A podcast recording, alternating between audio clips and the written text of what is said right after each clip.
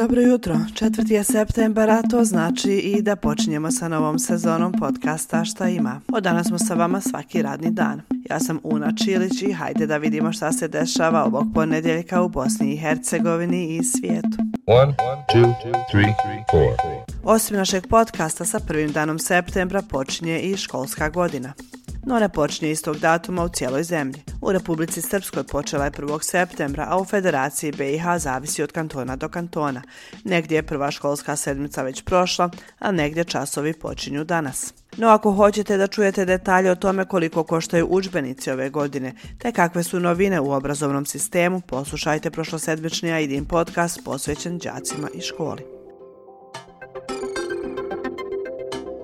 A uskoro počinje i Juventa Fest, međunarodni festival srednjoškolskog stvaralaštva. Tim povodom danas će biti održana i konferencija za medije u Centru kulture i mladih u Sarajevu. Juventa Fest je festival srednjoškolskog teatra. Nastao je 2013. godine sa ciljem da se ponudi kvalitetan kulturni sadržaj namjenjen mlađoj publici. Među ovogodišnjim predstavama koje će publika imati priliku da vidi, bit će prikazana Fallibility of a Man iz Mađarske, zatim predstava Sergej i njegove sjene iz Zagreba, pak Paklena Pomoranđa teatra iz Srbije i brojne druge. Uglavnom, festival počinje 6. i traje do 10. septembra. Pa zapišite.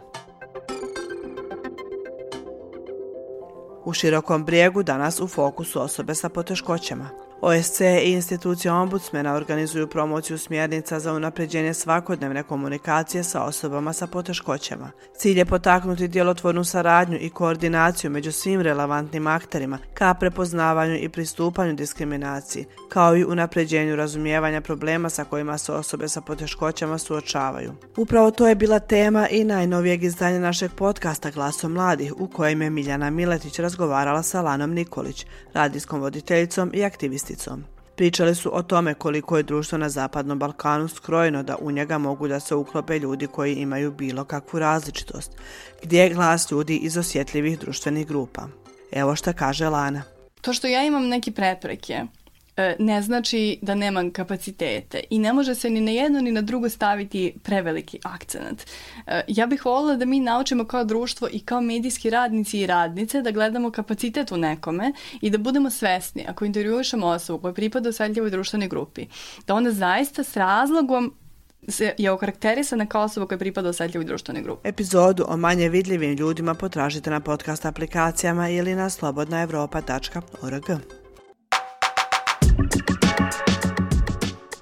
Još par informacija za danas. Predsjednik Turske Recep Tayyip Erdogan sastaje se u Sočiju sa ruskim predsjednikom Vladimirom Putinom. A u posjetu Hrvatskoj prvu zvaničnu stiže crnogorski predsjednik Jakov Milatović. I za kraj, Google danas puni 25 godina. Znam, čini nam se da je Google Search od uvijek tu sa nama. Dobro za vas koji imate 25 godina i ne znate za svijet u kojem nije bilo Google-a. No da nastavim.